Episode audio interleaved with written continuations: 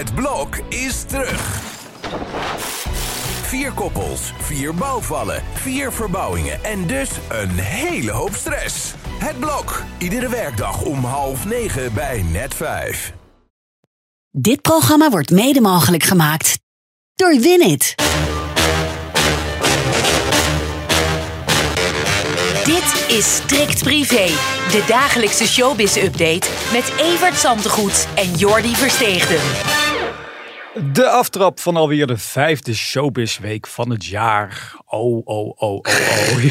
Nou, zeg dat. nou, ik ben nog aan het bijkomen van de vorige. Ja, het is niet saai begonnen met Nou. Theo Maas onder andere vorige week. Ja, mensen kijken rijkhalsend uit naar het vervolg natuurlijk. Dat Ja. gaat er zeker komen. En verder blijft iedereen, in- ze gaat ingraven geloof ik. Hè? Johan Derksen vond het allemaal maar flinterdun. Ja. Mwah, dan zou die even langs moeten komen. Dan mag je die appjes van me zien. Maar het is, eh, ja, en, en hij blijft zwijgen. De en de VPRO, die eh, houdt ook de kaken stijf op elkaar.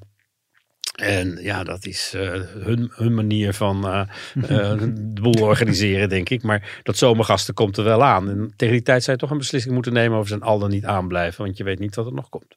Nog twee nachtjes en dan ligt de nieuwe privé in de winkel. En dan gaan we het er ook in deze podcast uiteraard weer over hebben.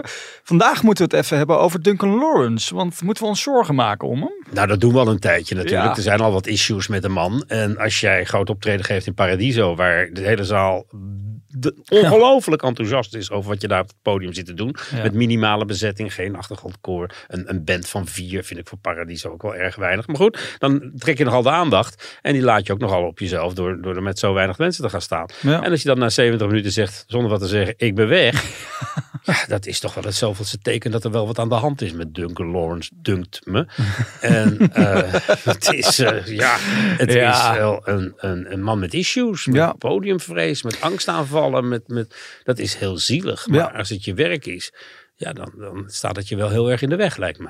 Ik sprak ook onze verslaggever Richard van der Krommert. Die had dat stuk Sterverslaggever. Sterverslaggever, absoluut. Had het goed opgeschreven. Die zei ook, ja, ik vond het zo raar dat hij zijn band ook helemaal niet voorstelde. Dat is toch ook wel het minste wat je dan kan doen op, op zo'n podium. Dat doen de meeste Nou, muzikanten. dan laat je de aandacht heel erg op jezelf, wat, je, wat ik zeg. En, Ja. ja. misschien zouden ze toch eens met een verklaring moeten komen. Maar dat management, dat weet, heeft ook issues. Mhm. Maar die weten ook nooit ergens op te reageren. En het is werkelijk... eh, nou, het, Ja. Duncan Lawrence, nou, Nou ja, en door met de Passion.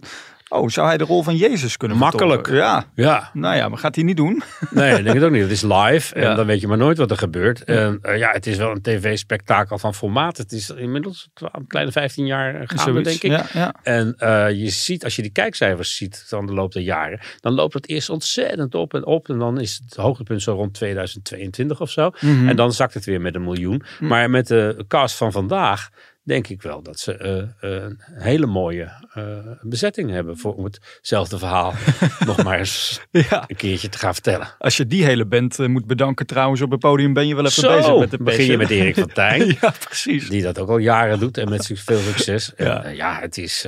ja, ik, ik ben er wel een beetje overheen. Of, Mm. Ik ga er niet echt meer voor zitten. Maar Mm. ik vind het knap dat je het zoveel jaren weet vol te houden. Nou, noem eens wat namen. Angela Schrijf, dat vind ik toch wel de meest bijzondere naam. Die had ik daar niet helemaal verwacht in de rol van Maria. Ja, William Spy daarentegen wel, als, als Jezus natuurlijk. ja dat hij nog nooit geweest was. Nee, ja, ik dacht dat hij wel een keer een andere rol. En hebben ze jou nou gevraagd als verteller? Of, Als verteller. nou, jij, ik weet wel, jij kan echt heel goed speechen. Je kan heel goed vertellen. Dat doe je hier iedere dag.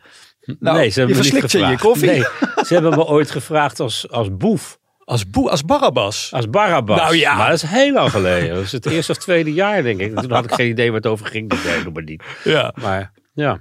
oké. Nou, wie is dan dit Badr jaar? Hari is er ook ooit voor gevraagd trouwens. Oh, dat Die heeft toch ook uiteindelijk ook niet gedaan. Maar Ja. ja, dat niveau moet je bijzien. Zou eh, Peter Gillis gevraagd zijn als Barabbas? Dat zou toch ook wel kunnen? Ja, het is geen zware jongen meer natuurlijk. Die is echt tientallen kilo's kwijt inmiddels. En Ja. ehm, we gaan het zo nog wel over hem hebben. Maar Ja. de Passion valt vroeg dit jaar, zoals alles. Ja, Waar, wie bepaalt eigenlijk wanneer het Pasen is, vroeg me laatst iemand. Maar het heeft met de maandstand te maken. Hè? vragen ze dat aan jou? Nou ja, dat kwam dan in, de- in de kroeg waarschijnlijk kwam dat weer te sprake. Ja, Pasen valt vroeg. Nou. En toen zei iemand, wie gaat daar eigenlijk over?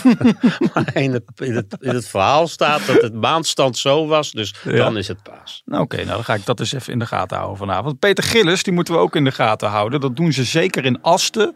Ons Asten. Het ligt een Ja, bij ons. vlak in- bij ons Hellimond. Zo Ja. is het. Daar is het vakantiepark Prinsenmeer natuurlijk gesloten.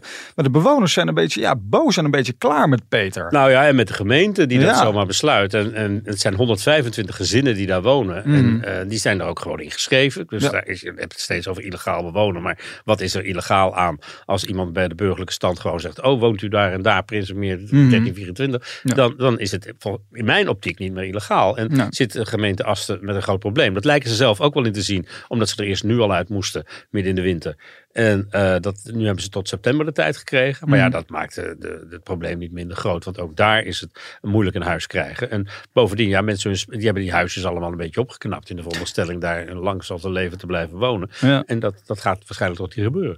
Ja, dat daar dingen gebeuren op het park die niet door de beugel kunnen, weten wij niet. Hè. Ik bedoel, dat wordt allemaal nog onderzocht. Of, dat is onderzocht. Tegelijkertijd weten we wel dat ook alle eh, ondernemers van Asten, die hebben hier ook last van. Want als je zoveel gezinnen hebt op zo'n park. Ja, die- restaurants in de Ja. verre omgeving Ja. en zo. Als je dat allemaal eh, afneemt, Ja. dan eh, wordt het allemaal wat krapper voor iedereen. Ja. Ja, en nu komt er een nieuw seizoen van Massa is Kassa. Denk jij dat dit daar een onderdeel van gaat zijn? Nou, ik zou het ze wel aanraden, want ik neem ook aan dat het een groot deel van de dag van het leven van Peter Gillis beheerst. Dat als je bedrijf eh nagenoeg wordt afgepakt. Ja, ja, ja. Of, of zou die moeten uitkijken voor Rachel Hazes, die met de hete adem in zijn rug Nou, krijgt? wie dat bedacht heeft, een docusoap over Rachel Hazes die koffie loopt te serveren.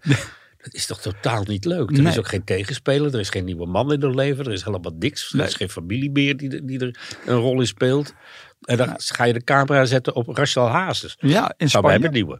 nou ja, het is natuurlijk wel aan de andere kant slim van haar, nu ze die zaak aan het opzetten is daar in Spanje. Want dat wordt het hoofdonderwerp. Dat Ja. ze dat, ze, dat ze ja, laat vastleggen. aan alle natuurlijk. kanten is het voor haar gunstig. Ja. Maar wie daarna gaat kijken en wie daar plezier aan beleeft, het, Ja. Mm. het, het lijkt me sterk. Kijk, en, en wat, wat zij verdient met zo'n docusoap, ja, daar moet je heel wat kopjes koffie voor eh, uitserveren. Hoor. Ja, dan willen de mensen weten, wat, wat verdien je dan aan zo'n docu? Zo is dat rond de 50.000 euro per seizoen of meer? Denk dat ze in de handen mag knijpen als ze dat krijgt. Mm. Omdat er natuurlijk iedereen zegt, ja, het is ook reclame voor je zaak daar. Ja. Maar ja, nou, nogmaals, dan moet je aardig wat kopjes koffie voor. eh, van een, van een, kopje, een lepeltje, een schoteltje en een, een zakje suiker eh, voorzien. Vanavond op televisie, ik denk dat daar wel veel mensen naar gaan kijken. Zeker eh, met betrekking tot het laatste nieuws. Sophie en Jeroen Nou. gaan beginnen. Nou, Ja. dat wordt natuurlijk wel even kijken van, gaan ze het er vanavond ook over hebben? Over dat gevoelige onderwerp, Galiet. Ik neem aan dat eh Sofie aftrapt. Ja, dat Ja? klopt. Ja. Ja, die zou er wel wat over moeten zeggen. Mhm. Of tegen het einde als ze zegt, morgen zit hier Jeroen. Maar Ja. inhoudelijk zullen ze er niet op ingaan. Hmm, nou, vanavond om eh, 7 uur, dan is het zover. Ze gaan wel een cultureler seizoen maken. Daarvan vraag ik me af van, is dat nou de kracht van Jeroen Pauw? Om interviews te doen met artiesten. Je wil hem toch eigenlijk ook wel gewoon politici zien doorzagen en zo. Dus ja, nou ja. Ja, Hm. ik hoef eh, Jeroen Pauw niet over de passion. Zullen wij tot slot nog even iemand gaan feliciteren? Een vriend van de show. Iemand die we allemaal lief hebben.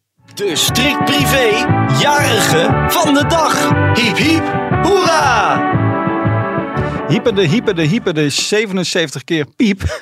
Harry Mens is jarig. Leuk hè? Nou, vorig, ja. vorig jaar, nee, dat is twee jaar geleden alweer dan dat hij een groot feest gaf. Ja. Toen werd hij 75 en nu 77 jaar. Ach. Ja, Harry, mijn vriend Harry, moet altijd vreselijk om hem lachen, moet ik zeggen. En ik betrap er toch ook wel op dat ik zondagochtend... Het staat wel op in Huizen Zantegoed. Oh ja. En ik, eh, ja, als Van Hanegem zit of Liesbeth van Dijk, het is toch Echt smullen. Ja. ja. Dan worden interviews pas echt spannend. Hè? Ja, en Harry Ja. Gaat nog een tijdje door, heeft hij aangekondigd. Dus Ah. eh, we kunnen ervan blijven smullen. Als je Ja. tenminste, ja, als, je- als, je, als je het op die manier ernaar kijkt. Ja, als je van een beetje ongemakkelijke televisie houdt.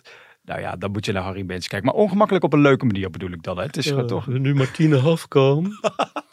en nemen het haar de, de, de, de, de kans op de beurs voor de komende week Nou ja, we door. wat, wat fijn dat je er bent, Harry Ja. Mens. Ja, nou hartstikke leuk. We gaan taart met je eten. Wij zijn er doorheen voor deze maandag, maar zijn er morgen weer. Zo is dat.